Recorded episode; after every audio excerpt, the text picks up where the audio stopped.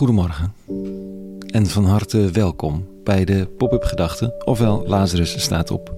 Ik ben Rico en ik schrijf overwegingen om de dag mee te beginnen. Vandaag met de titel Vier je het? Pop-up Gedachten vrijdag 15 april 2022. Heb je er plek voor kunnen maken in je leven? Voor deze vier dagen van bezinning, feest, community? Ik niet. En daar baal ik best een beetje van. Wat is er gebeurd in mijn leven dat een paasweekend nauwelijks nog vorm krijgt? Er gaat best wel wat gebeuren hoor. Ik bedoel een zondag doorbrengen met een gemeenschap van vrienden, een vroegere huisgemeente, die elkaar nog graag ziet.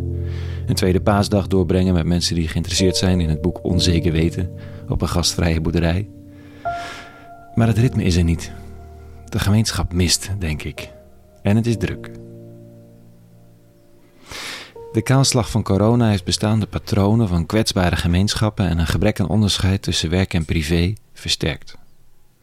Toen er alleen nog maar online bij elkaar gekomen kon worden, toen hadden we nog initiatieven om online elkaar op te zoeken. Het moest wel. We waren in verwarring. Nu het niet meer hoeft en mensen elkaar gewoon weer kunnen ontmoeten, is er niet opeens vanzelfsprekend weer een ritme waar je bij aansluit.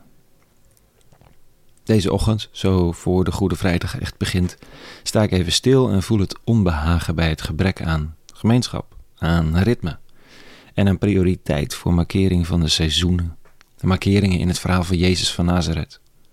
Een rabbi waar ik diep in geloof, maar waarvan ik de kerkelijke rituelen lang niet altijd even goed trek.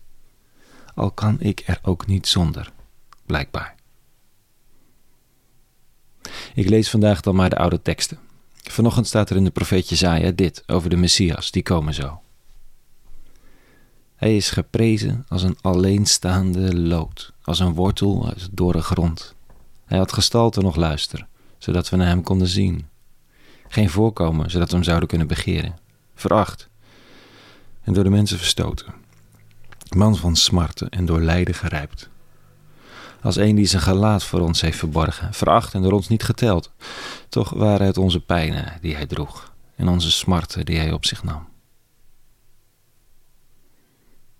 Heb ik de viering van deze dagen een beetje te veel veracht of als onaanzienlijk beschouwd?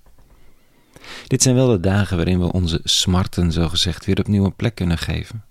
Dat we ze niet alleen hoeven dragen, dat er in het donker licht schijnt. Dat het heus niet allemaal goed komt, maar dat dit ook niet het allerbelangrijkste is.